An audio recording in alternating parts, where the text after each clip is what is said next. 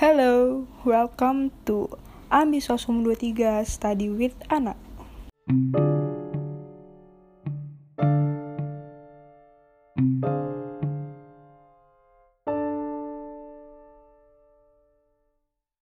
Hello, ketemu lagi di podcast Ambis Sosum 23 Study with Anak.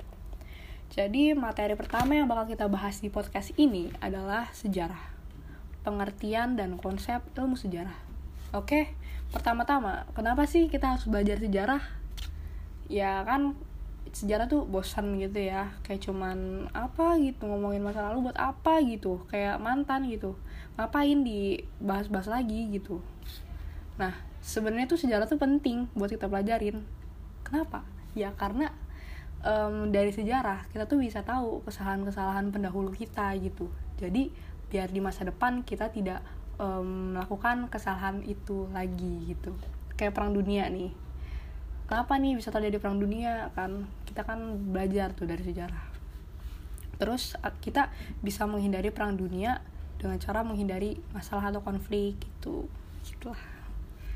Nah sebelum belajar tentang sejarah kita harus memahami terlebih dahulu apa yang dimaksud dengan sejarah dan konsep dasar dari sejarah tersebut ya jadi gini aku baca di buku nih Sejarah merupakan ilmu yang mengkaji peristiwa masa lalu beserta kaitannya di kehidupan masa kini beserta masa depan.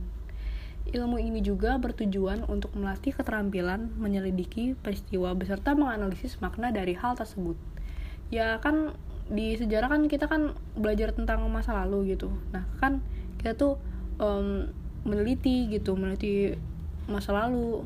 Nah dari situ tuh kita bisa belajar cara menganalisis dan mengambil hal-hal um, positif dari sejarah yang kita pelajarin. Ilmu sejarah berkembang semenjak abad kelima, yaitu saat seorang tokoh Yunani bernama Herodes melakukan pertama kali pencatatan peristiwa secara tersusun dalam bukunya yang berjudul Historis. Um, secara etimologis, kata sejarah itu berasal dari bahasa Arab, yaitu syajarotun, yang berarti pohon waktu. Dalam bahasa Inggris, sejarah dikenal dengan kata history. Nah, kata history ini tuh berasal dari bahasa Yunani yaitu historia yang berarti investigasi. Arti etimologis tersebut dapat digunakan sebagai panduan konsep dalam tujuan pembelajaran ilmu sejarah secara umum. Konsep diakronik dan sinkronik. Diakronik dan sinkronik merupakan salah satu konsep dasar dalam ilmu sejarah. Kedua konsep ini memandu jalannya analisis setiap peristiwa atau contoh kasus yang sedang dikaji. Di setiap peristiwa sejarah, lingkup analisis dapat disesuaikan berdasarkan ruang dan waktu dari pembahasan topik yang sedang dilakukan. Secara umum, konsep ini hendak mengatur seberapa luas batasan lingkup ruang dan lingkup waktu yang harus ditetapkan Masing-masing konsep ini bersifat berlawanan, artinya salah satu konsep berlawanan dengan konsep satunya. Oke, nggak usah berlama-lama lagi. Apa sih konsep sinkronis dan diakronik itu? Jadi gini, berpikir sinkronik itu memanjang dalam ruang dan menyempit dalam waktu.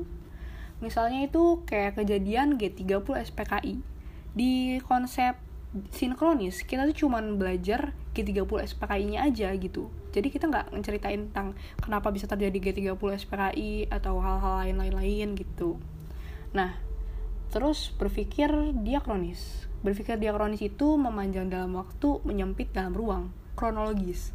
Kayak pembabakan sejarah periodisasi periodisasi itu tuh termasuk ke berpikir diakronis. Lanjut ke ruang lingkup sejarah Ruang lingkup sejarah itu ada empat. Ada sejarah sebagai peristiwa, sebagai ilmu, sebagai kisah, dan sebagai seni. Kita pertama bahas dulu sejarah sebagai peristiwa. Sejarah sebagai peristiwa adalah kejadian pada masa lampau yang benar terjadi berdasarkan fakta serta bukti yang jelas. Jadi nggak dilebih-lebihin dan nggak memihak ke kelompok mana pun. Yang kedua, sejarah sebagai ilmu. Sejarah sebagai ilmu adalah penelitian dan pengembangan sejarah dilakukan dengan pendekatan metode ilmiah. Yang ketiga, sejarah sebagai kisah. Sejarah sebagai kisah adalah sejarah adalah kejadian masa lalu yang dibangun kembali dengan um, diceritakan kembali gitu. Yang keempat, sejarah sebagai seni. karena sejarah diceritakan dengan berbagai macam gaya bahasa jadi um, sejarah itu termasuk seni yang indah gitu. Kayak contohnya hikayat dan lain-lain gitu. Sejarah tuh bisa diceritain dengan berbagai macam bahasa dan indah gitu. Biar nggak bosan dengerin sejarah gitu-gitu aja. Oke kayaknya segitu aja deh materi yang aku kasih di podcast pertama um, Ambisoso Muda 3 kalau misalnya kurang jelas ya mohon maklum aja. Soalnya aku masih pertama kali bikin podcast so um, jangan lupa follow instagram aku ana.yy sama follow twitter aku anabis kalau misalnya kita pengen diskusi-diskusi feel free banget buat kritik aku dan lain-lain. Oke okay, thanks buat dengerin. Jangan lupa masukin podcast ini ke playlist kalian. Thank you